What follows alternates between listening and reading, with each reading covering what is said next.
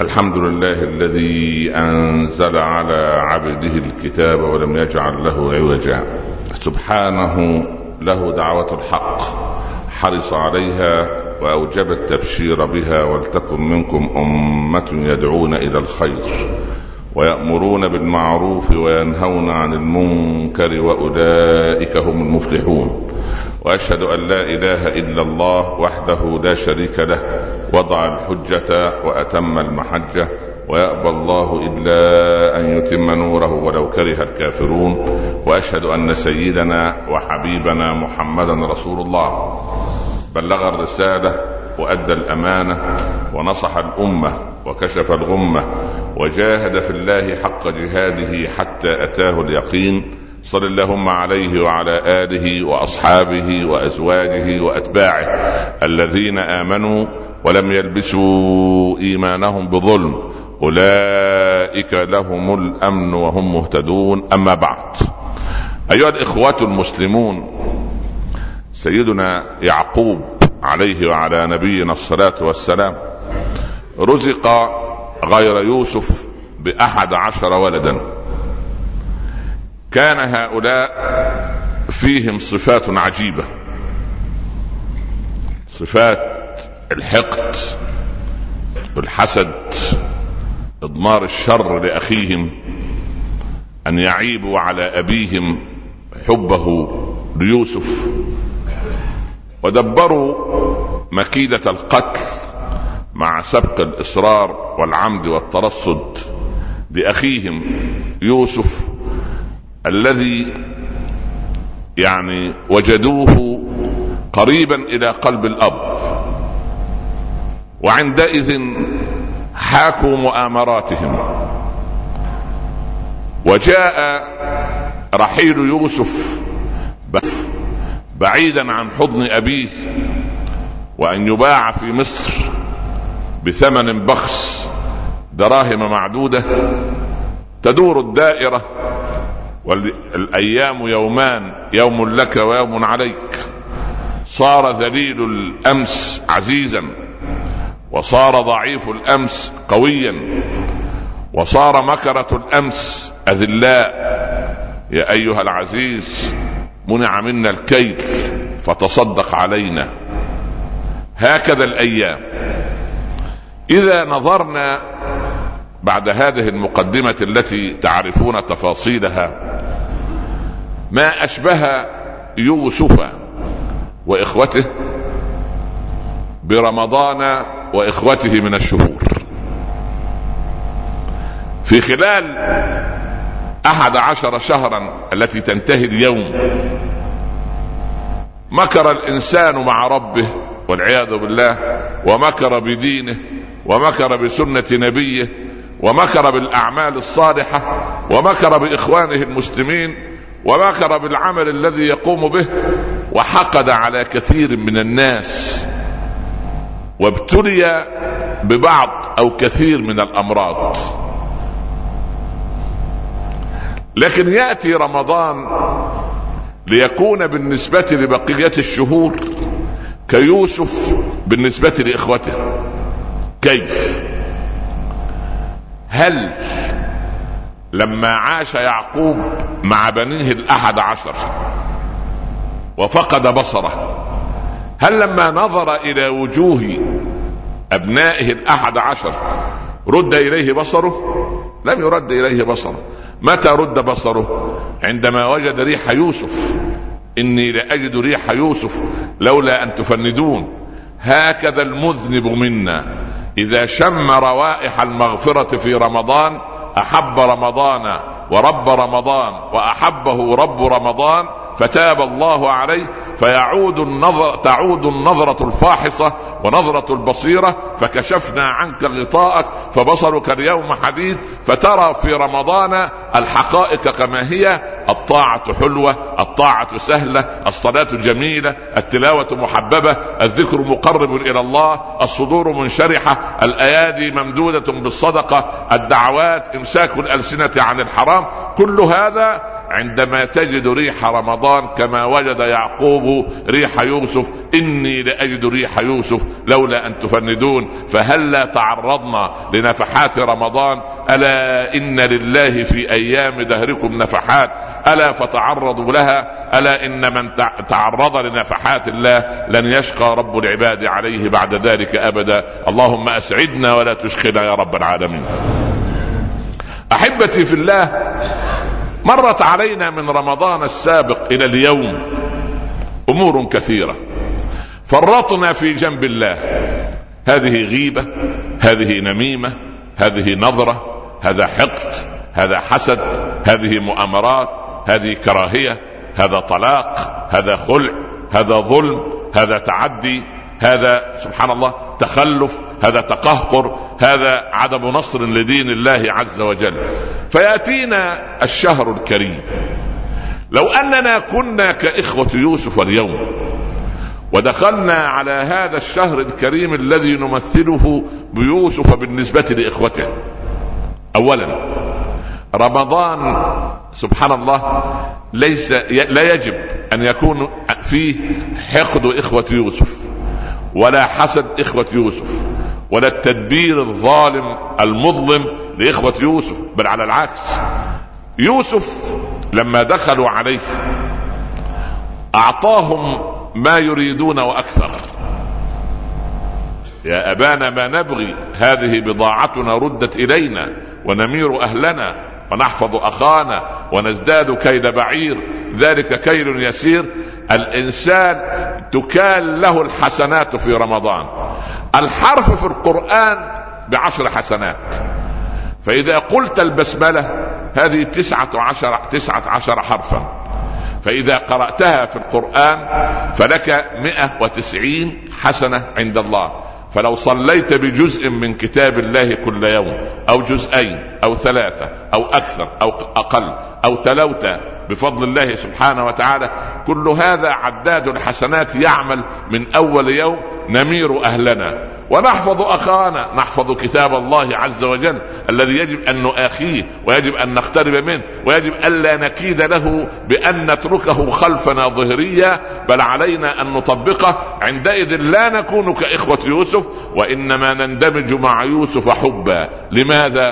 لأن رب العباد عز وجل إذا تاب على عبد لم يعاتبه. أنت إن غضبت من زوجتك خاصمت أخاك وجلست في جلسة عتاب تعاتب. يا فلان أنت قلت عني كذا وكذا وما كان من الواجب أن تقول كذا وكذا وتقول الزوجة يا أبا فلان أنت صنعت كذا وكذا وما كان يجب أن تصنع كذا وكذا. عندئذ ترى الإنسان يعاتب أخاه. أما إذا تاب العبد فيما بينه وبين ربه كما صنع تلميذ موسى عليه السلام قال يا كريم الله أطعت ربي عشرين سنة. وعصيته عشرين سنة وأريد أن أعود مرة أخرى. هل لي من توبة؟ قال الله يا كريمي بلغ عبدنا وقل له أحببتنا فأحببناك وأطعتنا فخربناك وعصيتنا فأمهلناك ولو عدت إلينا على ما كان منك قبلناك وما عاتبناك. هذه نعمة هذه رحمة. رمضان عندما يأتي لنا لا يعاتبنا على تفريطنا بل على العكس. رحمات رمضان عجيبة. وكرم يوسف على مصر وأهل مصر وأهل البادية كان كبيرا لأن المجاعة انتشرت في البلاد كلها وأشار يوسف على الملك وهو في السجن. تزرعون سبع سنين دأبا فما حصدتم فذروه في سنبله إلا قليلا مما تأكلون ثم يأتي من بعد ذلك سبع شداد. يأكلن ما قدمتم لهن إلا قليلا مما تحصنون, ثم يأتي من بعد ذلك عام فيه يغاث الناس وفيه يعصرون. هذه نفحات وصفها يوسف في رؤيا الملك. هكذا نحن أيضا ان نظرنا إلى رمضان. انظر إلى النفحات الرمضانية. اولا تفتح أبواب الجنة. طب في غير رمضان لا تفتح تفتح أبواب الجنة.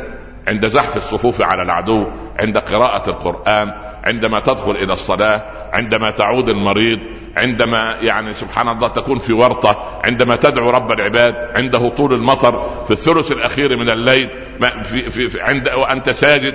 هذه لحظات تفتح فيها أبواب الجنان وأبواب السماء. أما بقية الأوقات لا تكون مفتوحة تفتح عندما تدعو وتتوب. لكن في رمضان مجرد أن يبدأ هلال رمضان تفتح أبواب الجنة على مدى 24 ساعة. وهذا كرم كبير من الله عز وجل. تفتح أبواب الجنة ثم في غير رمضان لما تفتح أبواب الجنة لا تغلق أبواب النار لكن في رمضان تفتح أبواب الجنة وتغلق أبواب النار. في الأحد عشر إخوة يوسف في قبل رمضان سبحان الله كان الشياطين تمرح. بين الزوج وزوجته وبين الجار وجاره وبين صاحب العمل والموظف وبين الحاكم والمحكوم. لكن سبحان الله العظيم في رمضان بفضل الله يسلسل لنا مردة الجن والشياطين. تسلسل الشياطين. اذا عوامل الهدم غير موجودة. عوامل البناء موجودة. أبواب الجنة مفتحة. أبواب النار مغلقة. ما عليك إلا أن توحد الله. وما عليك إلا أن تعبد الله وما عليك إلا أن تتوب إلى الله.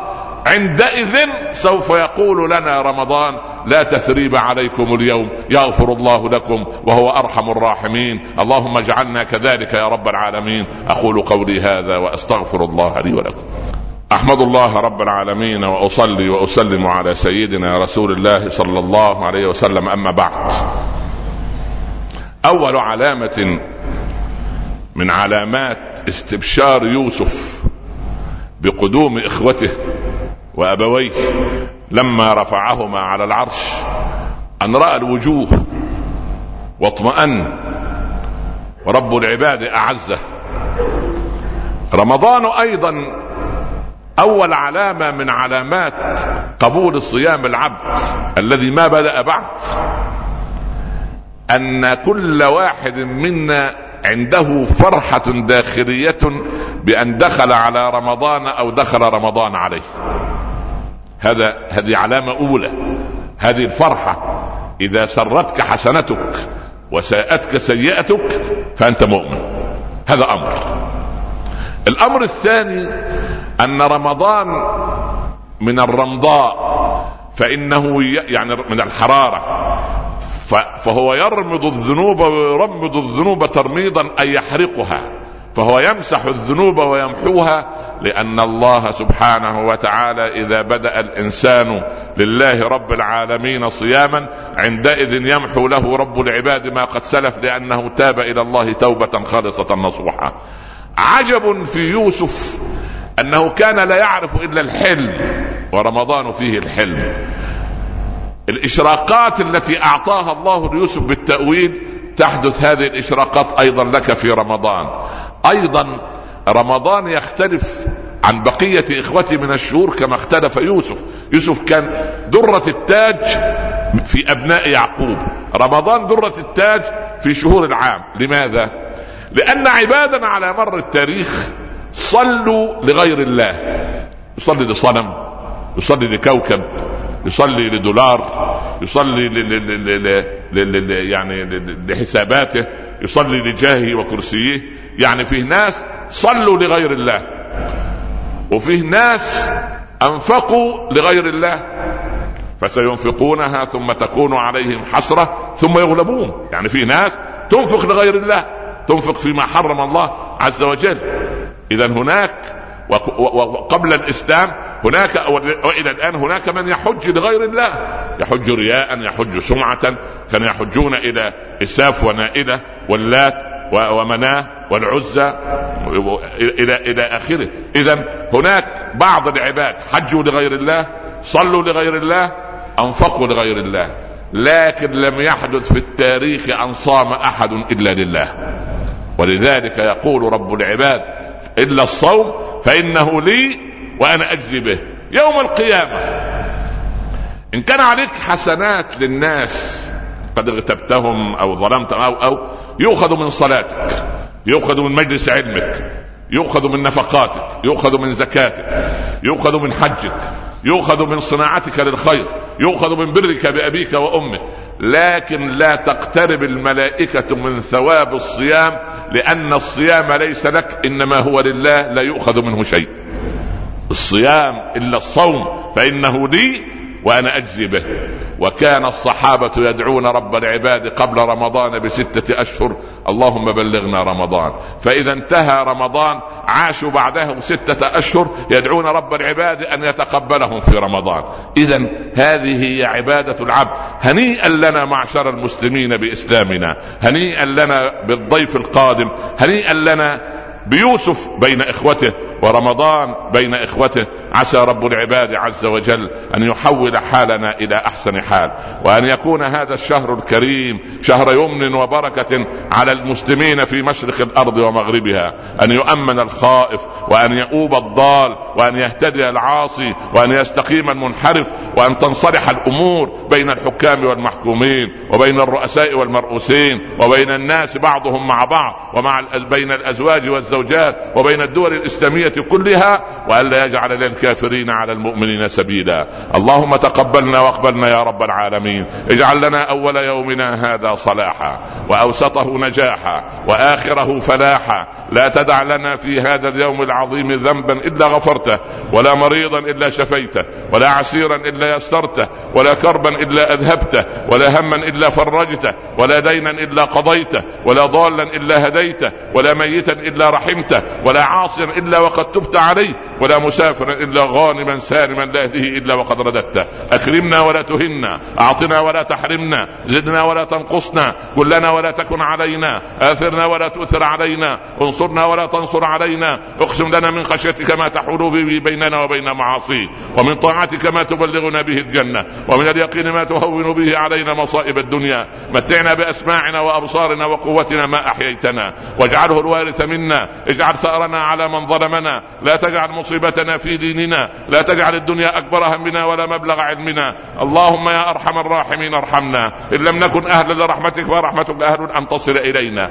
بلغنا رمضان وصيامه وقيامه. اجعلنا من الذين تنظر إليه فيهم إليهم يا رب العالمين فيه بنظرة رضا. لا نشقى بعدها أبدا. يا أرحم الراحمين يا رب المستضعفين اختم لنا منك بخاتمة السعادة أجمعين. وصلى الله على سيدنا محمد وعلى آله وصحبه وسلم. يا رب تسليما كثيرا. بسم الله الرحمن الرحيم والعصر.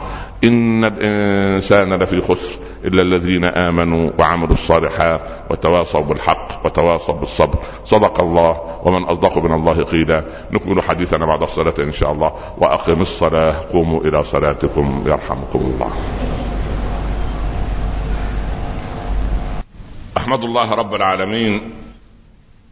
حمد عباده الشاكرين الذاكرين وأصلي وأسلم على سيدنا رسول الله صلى الله عليه وسلم. أما بعد احب في الله ندعو الله سبحانه وتعالى أن يتقبل منا ومنكم وأن نكون من عتقاء الله من النار في هذا الشهر الكريم وأن يوفق الجميع لما يحب ويرضى وأن لا يجعل في قلوبنا غلا للذين آمنوا.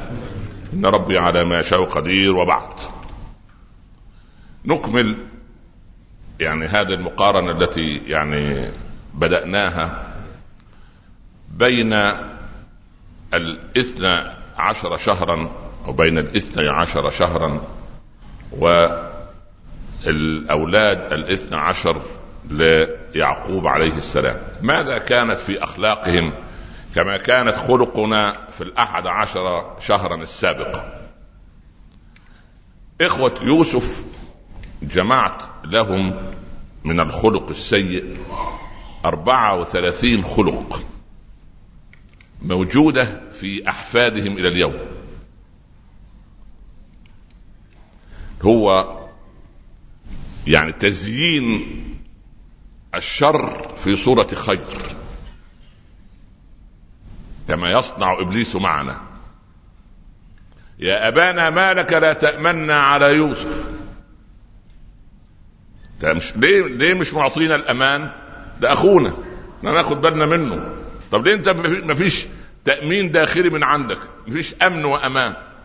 وبعدين تزيين الخير. هم يعرفون أن الأب يفرح دائما إذا فرح ابنه. لما زميل يعدي عليك يمر عليك يقول لك أنا رايح الحديقة أنا وأولادي. ممكن تبعت معنا ترسل معنا الولد أو الأولاد يلعبوا. تفرح أم تحزن؟ والله بارك الله فيك. كمان أنا ما عنديش وقت.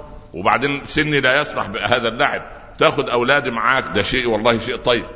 ارسله معنا غدا ها يرتع ويلعب. بالله عليك لما الأب الحنون المحب يسمع يرتع ويلعب. يسر أم يحزن؟ يسر يرتع ويلعب. وبعدين خلي بالك وإنا له لناصحون إنا له لحافظون. ما تخاف لا تخاف. أعطاهم يوسف في الطريق. اقتلوا يوسف أو اطرحوه أرضا يخلو لكم وجه أبيكم والنتيجة إيه؟ وتكونوا من بعده قوما صالحين. يبقى أنا أقتلك وأبقى صالح بعد كده إن شاء الله. خلي بالك أنت. يعني شوف يا أخي أخلاقيات عجب. أنا أقتلك أقضي على حياتك وبعدين يكون الصلاح من إيه؟ من شأني. لا إله إلا أنت سبحانك كان زمان في بعض البلاد منتشر الأخذ بالثأر. وبعدين كانوا يؤجروا بعض الناس المجرمين اللي ياخذوا بالثأر ويعطوهم مبلغ. فرجل فقير قتل أبوه. فاستاجر أحدهم. وبعد ما قتل له من يريد قال له طيب انتظر بس أبيع قطعة الأرض علشان إيه؟ أعطيك أجرك في قضية القتل. قال له يا شيخ إحنا داخلين على رمضان أنا قتلته لك لله. خلي بالك انت لا حول ولا قوة. الذي باع آخرته بدنيا غيره. كثير منا يبيع آخرته بدنيا غيره.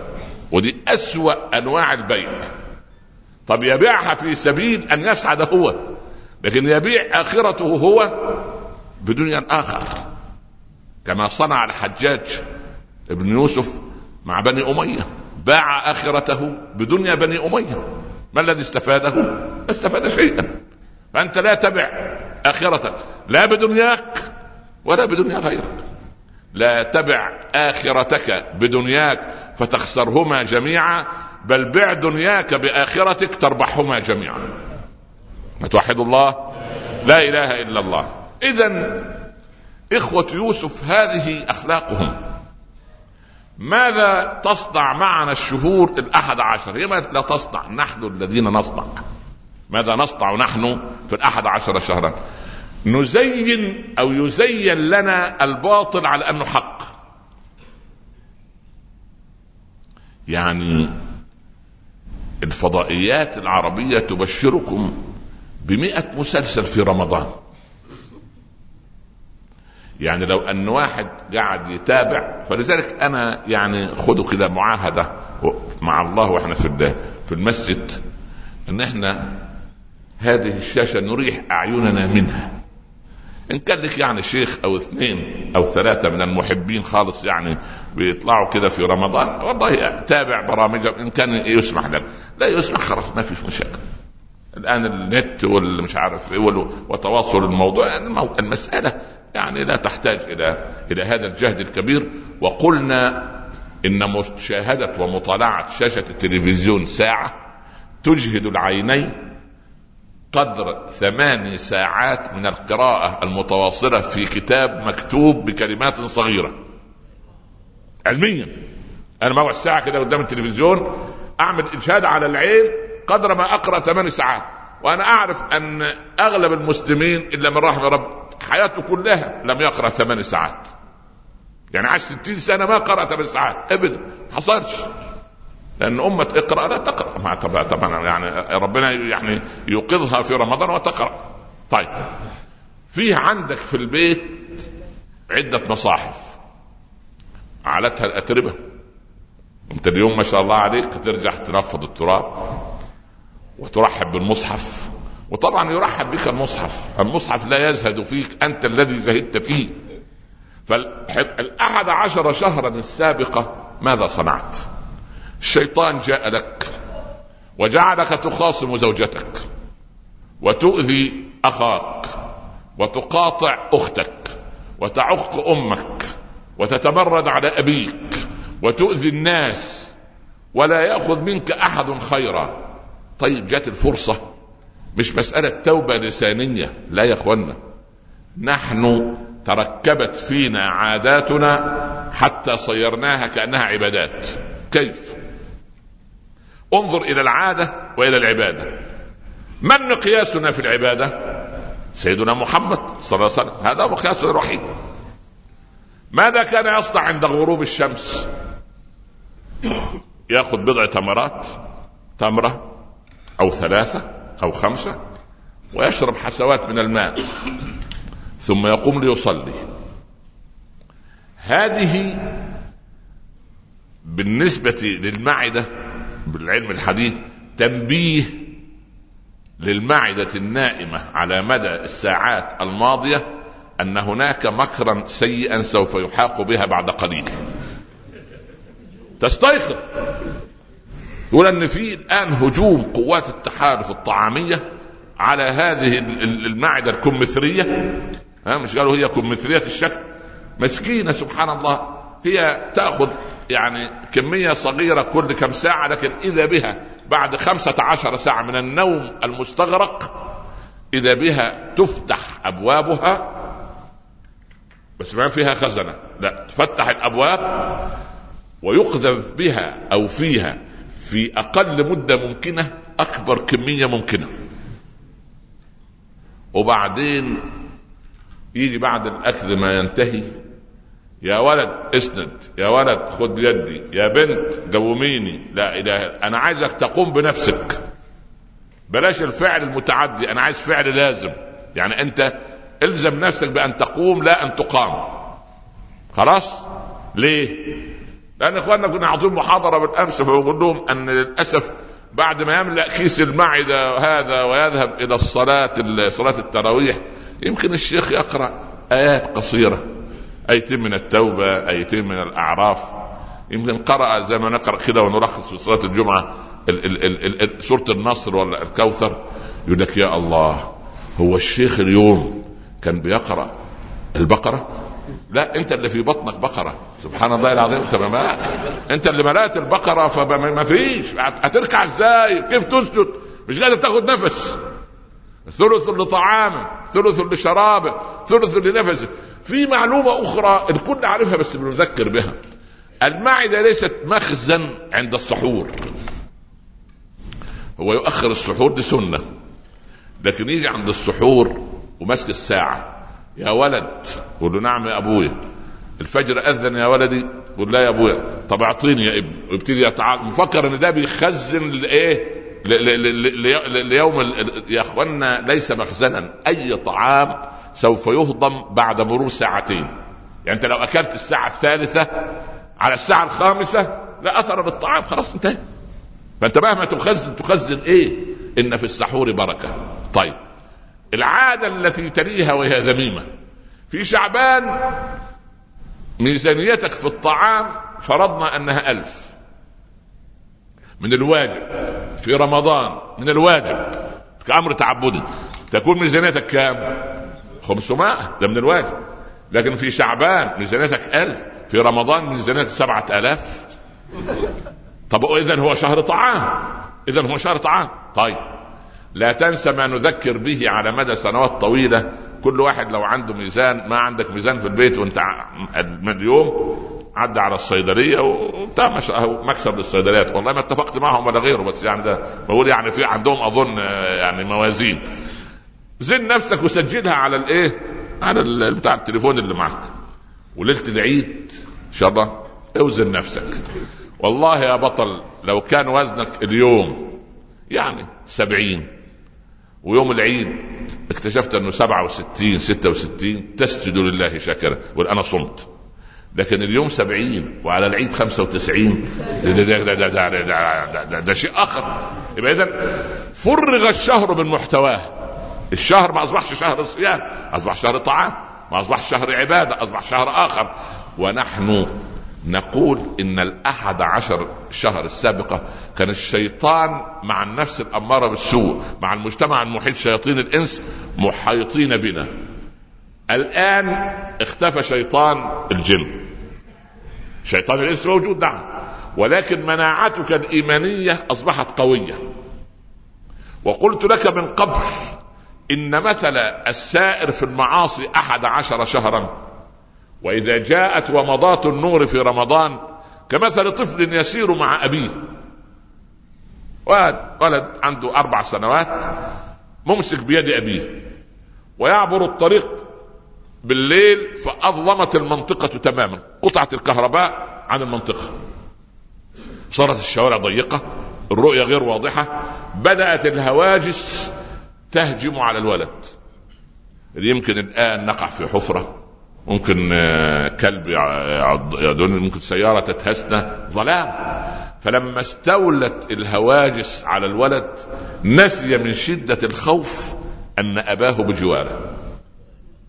أول ما تيار الكهرباء أضاء المنطقة وأضاء الحي الولد طارت هواجسه. ليه؟ لأن وجد الشوارع مضاءة أن أباه ممسك بيده. هكذا الأحد عشر السابق كنا في ظلمة المعصية. فكان الإنسان عليه هواجس أنه مش قادر يستقيم. فلما تطل علينا كهرباء وتيار النور من رمضان إذا بنا أن رب العباد أقرب إلينا من حبل الوريد. بهذا المنطق بهذا المنطق داخل على رمضان. يعني داخل على شهر النور. هو قادم عليه وأنا قادم عليه أهلا بضيف وأنا إليه بالأشواق. طيب. تعال لأنواع الصيام. فيه كما قال العلماء صيام العوام زي حالتنا كده. ننقطع عن الطعام والشراب من أذان الفجر إلى غروب الشمس. ده صيام العوام. الصيام الخواص الصيام الجوارح كلها. من لم يدع قول الزور والعمل به فليس لله حاجة في أن يدع طعام وشراب. من جمعتين كنا بنقول إيه؟ الحكمة بتاعت سيدنا علي إن إيه؟ إن ضعفت عن الصيام ها؟ فلا إيه؟ فلا تأكل لحوم الناس. صح ولا لا؟ يعني أنا صائم عن الطعام آكل حلوم طيب. فتصوم الجوارح. العين تصوم واللسان يصوم والأذن تصوم. والعجيب يا أخي. موظف. يبقى في المؤسسة الصباح بكرة إن شاء الله ولا بعد بكرة. تقول له أسكت يا أستاذ فلان. شفت؟ رئيس القسم ولا الأستاذ فلان المدير عمل إيه؟ لك يا راجل حرام إحنا في نهار رمضان. معناه إيه؟ بيعطيك إيحاء بإيه؟ تعالى لي في ليل رمضان ها؟ أنا عايز أسمع الحكاية بس بالليل بلاش بالنهار. فيظن أن ما حرم في نهار رمضان صار حلالا في ليل رمضان. ما حرم في نهار رمضان حرم في ليل رمضان. وما حرم في رمضان حرم إيه؟ في طوال العام. الغيبة تصير حرام في رمضان وحلال. يعني يا أخوانا مش كده؟ فأنا عايز رمضان نعلم. اقعد اليوم. ما هو في ناس فينا قليلة الكلام. وفي ناس كثيرة الكلام. تمام؟ أقول أنا عيبي أننا كثير الكلام. طب أعمل إيه في رمضان؟ أقلل. أنا عيبي أنني أسخر من الناس. كل ما يشوف واحد يسخر منه. ده طويل ده قصير ده كذا ده كذا يبتدي أقلل وأمنع السخرية من الناس والاستهزاء بالناس. أن عيبي فضولي في ناس الفضول يقتلهم. لو لقيت انت واقف تتكلم شوية كده مع أبو عوني مثلا يعني يخف من بعيد. وبعدين أول ما ينفرد أبو عوني بعيد. كنتوا في, في أي شيء تتحدثوا؟ قولوا في موضوع. أنا عارف أنا مش عايز أسأل بس موضوع إيه؟ لا حول ولا قوة إلا بالله. فيحرجك. وما أخذ بسيف الحياء فهو حرام. يعني أنت تتقصى الأحداث هذا حرام يا أخي والله. الإنسان يتقي الله. ولذلك كان زمان ما شاء الله الأخوات كانوا كثيرات الفضول. أصبح الرجال يشاركنهم نفس القضية.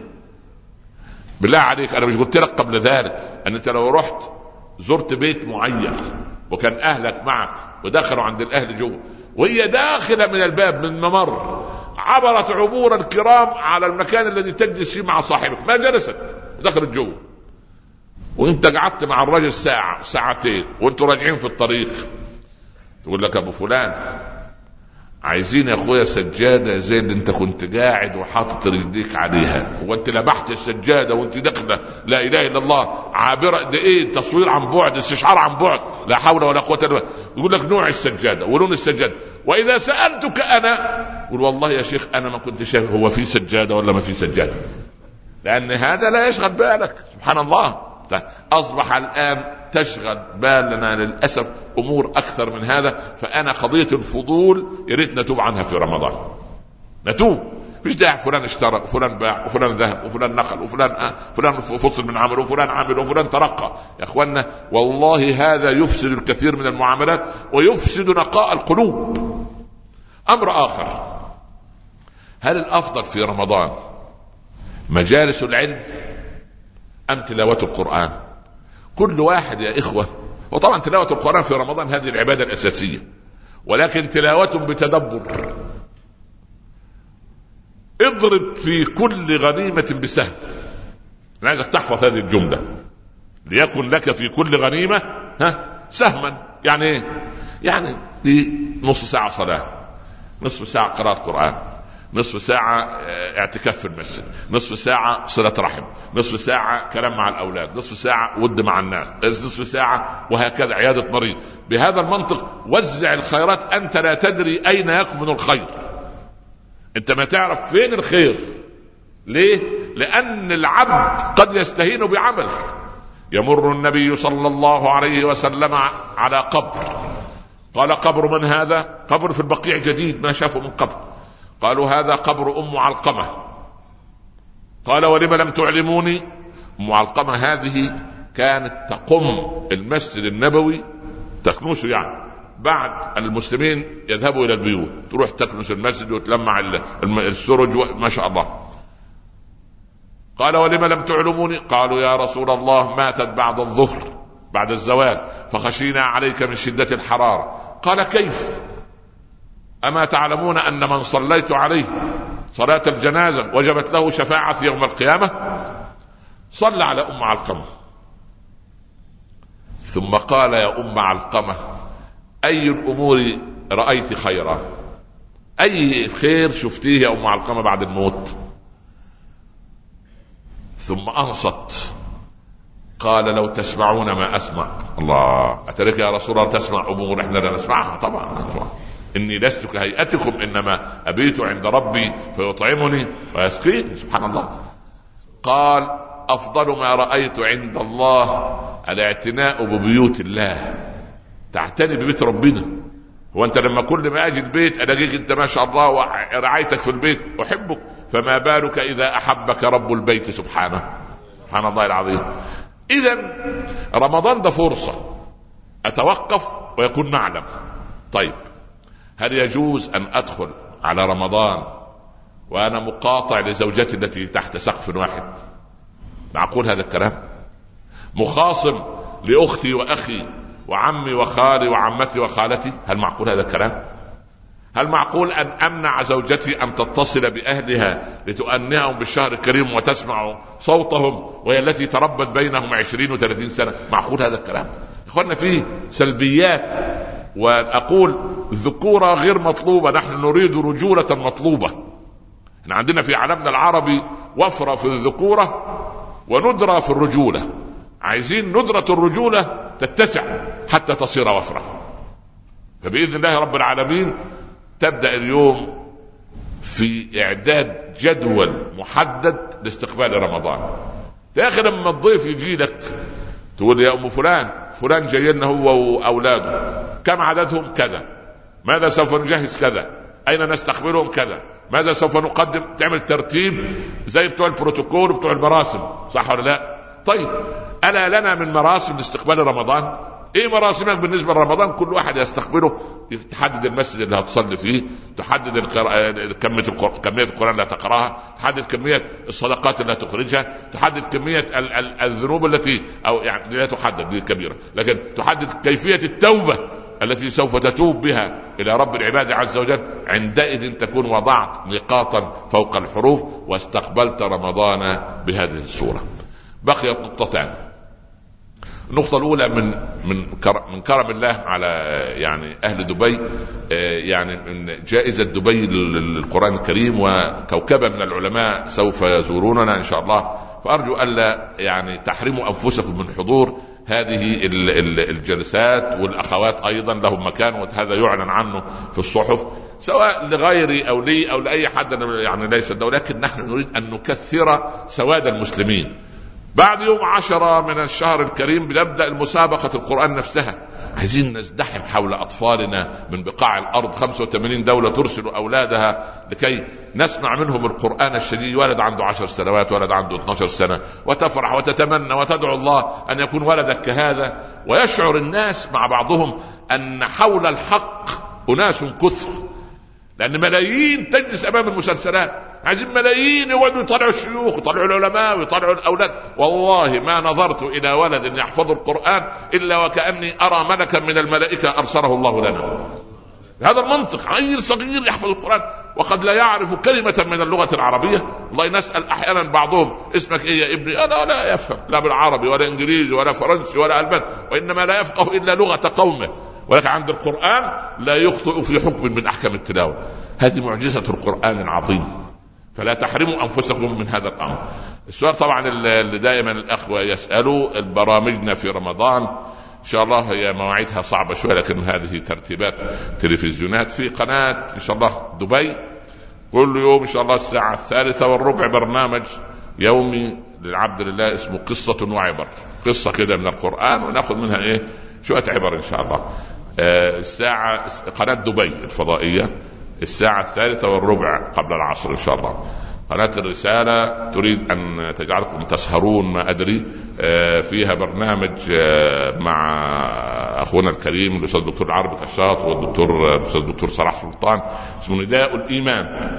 مسكنا لكم 15 أمر وخمسة عشر نهيا من قول الله عز وجل يا أيها الذين آمنوا دايما يا أيها الذين آمنوا يجي بعدها يا أمر يا نهي. خمسة عشر أمر وخمسة عشر نهيا وتتحملوني لأن تقريبا المذيع العبد لله. فتتحملوا يعني إيه؟ فندير الحوار مع العالمين الجليلين ولكن ده يجيبوها الساعة الثالثة والنصف قبل الفجر لكي لا يراها أحد. وتعاد الساعة الثانية عشرة والنصف آه، مع أذان الظهر حتى لا يراها أحد. المهم يعني إن شاء الله طبعا زوجاتكم إن شاء الله تبلغكم بماذا قلنا وبماذا صنعنا لكن إن شاء الله يكون فيها الخير بإذن الله. آه، قناة الشارقة هذا العام إن شاء الله كل يوم سبت. آه، وليس كل يوم عشان ما يعني ما أرى المسلمين يعني كل يوم يشوفونا يشوفونا يحصل ظهر فكل سبت الساعة الخامسة أو السادسة الا الربع قبل المغرب برنامج رسول الإنسانية صلى الله عليه وسلم. أربع حلقات إن شاء الله أراهم إن شاء الله يكون فيها الخير بإذن الله عن سيدنا رسول الله صلى الله عليه وسلم. في أيضا أربع حلقات كل جمعة في قناة الناس بس هم يعلنوا عن مواعيدها الحقيقة لا أعرفها. آه، في آه، يعني مع القرآن الكريم إن شاء الله يعني إن شاء الله نجد فيها الخير بإذن الله. بس والمحاضرات التي سوف يعلن عنها في الصحف هذا برنامجنا في رمضان إن شاء الله رب العالمين.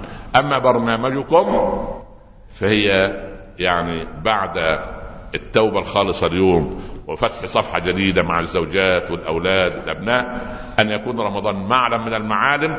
ولا تنسون من صالح دعائكم ويجوز للمسلم أن ينوي الليلة نية بصيام الشهر الكريم كله نية واحدة لا تجدد كل يوم وبعض العلماء يقولوا تجدد كل يوم وأما التجديد دون أن تدري الساعة الثالثة صباحا مش متعود أنت أن تقوم لتأكل إلا إذا كانت قصة أخرى يعني ما فيش إلا في ساعه حد يصحى الساعة 3 يأكل إلا في إيه؟ في رمضان طب أنت تأكل الساعة 3 ليه؟ ها؟ نقص تغذية ولا سحور؟ هذا سحور يبقى هذه نية. زي بالضبط واحد رايح نحو صبور الماء ويشمر أكمامه ها عند الأذان هيعمل إيه؟ هيذبح واحد ولا هيتوضأ؟ يتوضأ. طيب هو ما أمسك سجادة الصلاة ليفرشها أمام عشان ينام ولا عشان يصلي؟ هذه أيضا نية. أخلص الله نياتنا لله بارك الله لي ولكم في الشهر العظيم وتقبل منا ومنكم ونستودعكم الله الذي لا تضيع ودائعه ونلقاكم هذا الأسبوع في المحاضرات إن شاء الله. والسلام عليكم ورحمة الله تعالى وبركاته.